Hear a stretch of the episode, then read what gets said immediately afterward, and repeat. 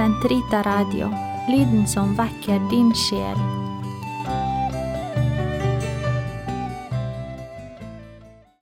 Archedia Åndelig sløvhet i koronatid og fastetid ved Eirik Ambrosius Stenhoff Del 2 Archedia i våre liv Vi har sett på Archedia slik den er beskrevet av Evagrius Ponticus og St. Thomas Aquinas. Archedia kan ikke reduseres til latskap. Den har å gjøre med et mer fundamentalt hinder for vår åndelige og moralske vekst. Derfor uttrykker den seg også på mange forskjellige måter. La oss se på noen av disse uttrykkene.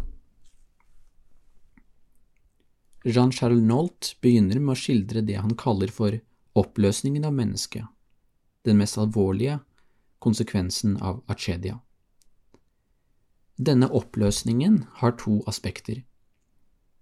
For det første et gjennomgripende tap av mening, for det andre fristelsen til å fortvile altså tap av mening og fortvilelse. Som vi så, betyr det greske ordet akedia opprinnelig å ikke bry seg om noe. Og det viste til dem som ikke brydde seg nok til å hedre de døde. I antikkens greske kultur var det å begrave de døde en alvorlig plikt, og et tegn på at man var sant menneskelig. I Sofokles stykke Antigone ønsker Antigone, datter av Ødipus, å begrave sin avdøde bror, som ble betraktet som en landsforræder. Det blir imidlertid ikke tillatt henne av kong Kreon. Hun trosser kongens befaling og viser dermed at hun setter gudenes lov fremfor menneskenes. Antigenes kamp er samtidig en kamp mot akedia og for forpliktelsen til å hedre den avdøde, og dermed oppfylle sin egen humanitet. Den falske erkjennelsen av at ingenting betyr noe, altså en form for nihilisme, er kanskje den mest alvorlige implikasjonen av archedia. Og dette er i en forstand roten til alle de andre plagene som Achedia har å by på. Å føle at arbeidet vi gjør og livet vi lever, er meningsløst, peker på en mye dypere åndelig lidelse. Vi sier egentlig at livet slik Gud har skapt det, ikke er godt. Denne nihilismen, tanken om at menneskelivet egentlig er et stort intet, et nihil, er samtidig et karakteristisk trekk ved vår moderne kultur. Den ligger like under overflaten i alt vi gjør. Den andre oppløsningen Nolt nevner, er fortvilelsen. Hos St. Thomas Aquinas er fortvilelsen den første av det han kaller for Archedias døtre. Fortvilelse er i moralteologien en, en avvisning av håpet, og slik sett en synd mot Den hellige ånd. Fortvilelsen sier at Gud ikke kan hjelpe oss, at det dypest sett ikke er mulig å leve det livet som Gud har gitt oss, eller å leve etter de budene Han har gitt oss. Vi må i stedet ta frelsen i våre egne hender. Dette er også et distinkt moderne trekk. Mye moderne tenkning er påvirket av en fremskrittsoptimisme der mennesket har opphøyet seg selv til sin egen redningsmann. For å virkelig bli frie, tror vi, må vi ta styringen over våre egne liv og samfunnsutviklingen. Det er selvsagt noe sant i dette, og vi har eh, frihet. Men fortvilelsen eh, betyr at vi tviler på at Gud faktisk er virksom i verden og i vår egen sjel. Nihilismen og fortvilelsen henger nært sammen og kanskje kan de sammenfattes i ordet kjedsomhet, som et uttrykk for disse, for, for disse tilstandene. For filosofen Martin Heidegger var kjedsomhet den grunnleggende sinnstilstanden i vår tid. Denne kjedsomheten er ikke bare en kjedsomhet over det vi gjør, men en kjedsomhet over kjedsomheten selv. Problemet vårt er at selve virkeligheten ikke lenger fenger oss. Og det er nettopp dette tapet av virkeligheten som fører til frenetisk aktivitet, som vi skal se litt nærmere på nå. Nolt skriver at achedia manifesterer seg som en uro som erfares i både tid og rom. La oss begynne med det han kaller den romlige dimensjonen. Den innebærer ustabilitet og rastløshet. Evagrius beskrev munken som stadig reiste seg opp og vandret hvileløst rundt. For ørkenfedrene var klostercellen helt vesentlig. Den måtte aldri forlates. På samme måte er vi kalt til å utholde i vårt eget rom akkurat nå. Nolt beskriver denne ustabiliteten videre i fire punkter. Det stadige behovet for forandring, flukten bort fra en selv og fra Gud, avvisningen av ens egen storhet, og til slutt falsk ydmykhet.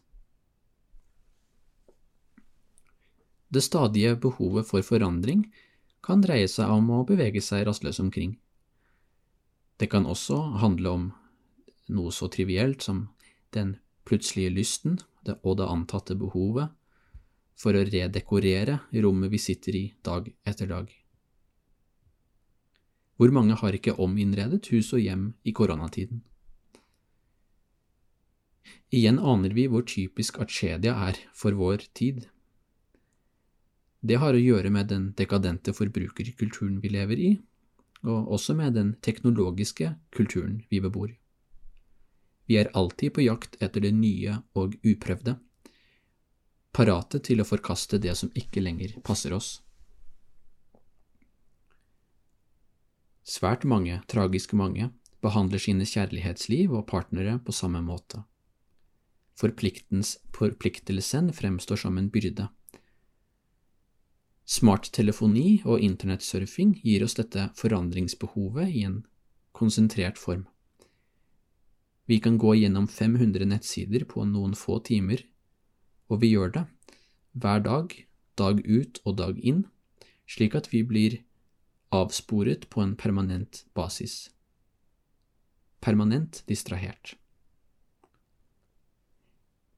Forbruk av pornografi er et annet uttrykk for dette. Alt dette er en direkte konsekvens av den nihilistiske rastløsheten. Flukten bort fra en selv og bort fra Gud er et annet aspekt.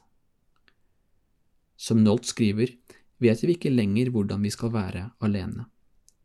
Derfor er også koronatiden en så tung prøvelse for mange. I ørkenens radikale ensomhet lærte munkene seg selv å kjenne. Bare på den måten kunne de virkelig konfrontere demonene men de var samtidig alene med Gud. Fristelsen for oss er at vi klemmer Gud mens vi befinner oss i vår ufrivillige ørken. Det tredje punktet om avvisningen av ens egen storhet er også interessant. For St. Thomas Aquinas er pus il animitas en annen av Achedias døtre. Ordet er vanskelig å oversette til norsk, men betyr egentlig å ha en liten sjel. Vi kan på norsk kanskje si noe slikt som feighet eller motløshet. Og det står i motsetning til dyden manjanimitas, å ha en stor sjel, altså storsinnethet. Det å ha en liten sjel betyr å tvile på at vi er verdige til det kallet som Gud har gitt oss. Det er lett for oss å tenke at vi er uverdige, at våre synder er for skamfulle, for alvorlige, og at ingen egentlig kan elske oss, og minst av alt Gud. Denne skammen ligger der som et underlag i enhver motløs sjel. Og den er knyttet til det siste punktet, nemlig den falske ydmykheten vi liker å oppvise overfor oss selv. Vi lurer oss selv til å tro at Ydmykhet betyr å si at vi ikke er verdige til Guds kjærlighet. Men som det heter i Skriften, er det Gud som elsket oss først. Hans kjærlighet til oss avhenger ikke av hvor gode vi er. Dette kan også manifestere seg som en tristhet over andres dyder.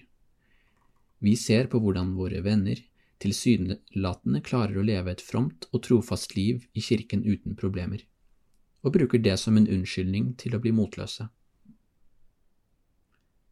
I stedet for å glede oss over vår nestes fremgang i det åndelige livet, og til og med la seg inspirere av det, blir vi motløse og tenker at vi uansett ikke klarer å leve slik. La oss nå se på den timelige dimensjonen, som også har fire elementer, ifølge Nolt.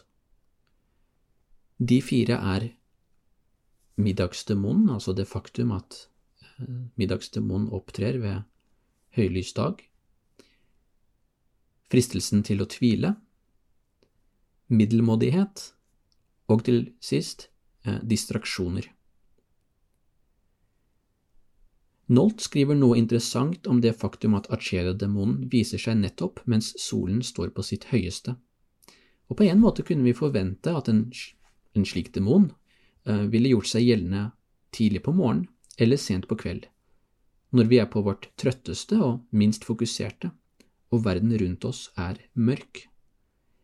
Men den kommer nettopp midt på dagen, midt i arbeidstiden, når vi tror vi har full oversikt og kontroll over livet.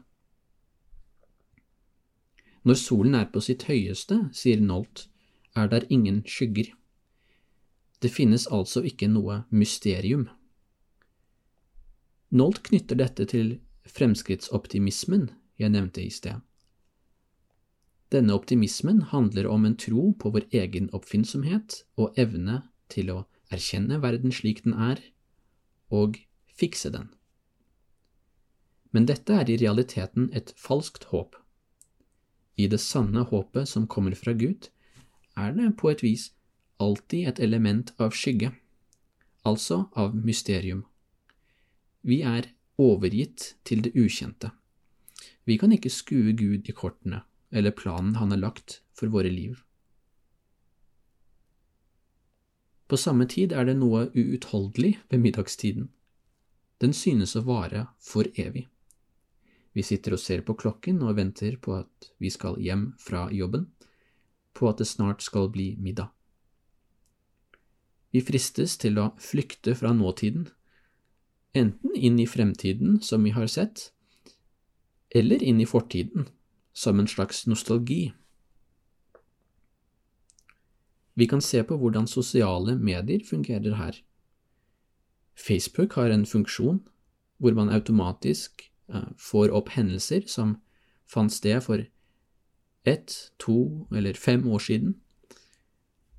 Og dette ligger der som en konstant påminnelse, ikke først og fremst om hendelsen som skjedde, eller uh, vennen jeg traff, men om at man har hatt Facebook i fem år. Det er siden Det er akkurat så lenge eh, man har vært distrahert på jobben av Facebook. Snapchat og andre mer flyktige medier fungerer litt annerledes, men gir egentlig en enda mer intens fluktrute fra det jeg holder på med akkurat nå. Dette er knyttet til det fjerde punktet om distraksjon. Distraksjonene er ment å lindre kjedsomheten vår. Men gjør de egentlig det? Teknologien vi omgir oss med, er på en måte ment å fylle den tiden som vi ikke klarer å fylle med meningsfylt arbeid eller fritid. Så Derfor er det ikke en selvmotsigelse at vi lever både i et kjedsomhetens samfunn og et travelt samfunn. De to forutsetter nettopp hverandre. Dette har også en mørkere, eh, nihilistisk dimensjon. Jeg var eh, for en tid tilbake på et besøk hos et familiemedlem. Han hadde installert nye lamper i leiligheten som kunne aktiveres og dimmes med telefon. Hensikten var å gjøre det mer lettvint å styre lyset i stuen. Men jeg måtte spørre meg selv hvorfor det? Hvorfor effektivisere denne i utgangspunktet ganske trivielle prosessen med noen få sekunder? Og det er det ikke enkelt for oss å svare på, og det sier en hel del om vår åndelige tilstand. Fordi under overflaten av rastløs hyperaktivitet, teknologisk oppfinnsomhet og virtuell virkelighet, er det en tomhet og en mangel på dypere kontakt med virkeligheten og med Gud. Noen har beskrevet dette som en mangel på en kontemplativ livsanskuelse, altså at vi ikke lenger evner å betrakte tingene slik de er i seg selv, men tenker om verden som bestående av en rekke ting vi kan plukke fra hverandre og analysere. Dette har altså et nihilistisk element. Vi klarer ikke lenger å begrunne hvorfor vi gjør det vi gjør. Teknologien, og særlig ting som sosiale medier og telefoner, men også noe så banalt som lampene vi har, alt det blir en substitutt for et bedre svar. Og dette er en fristelse for oss kristne like mye som for de ikke-troende. Men som kristne vet vi også at vi har et større svar, et bestemt formål for livet. Dertil mange hjelpemidler mot archedia i Skriften og tradisjonen.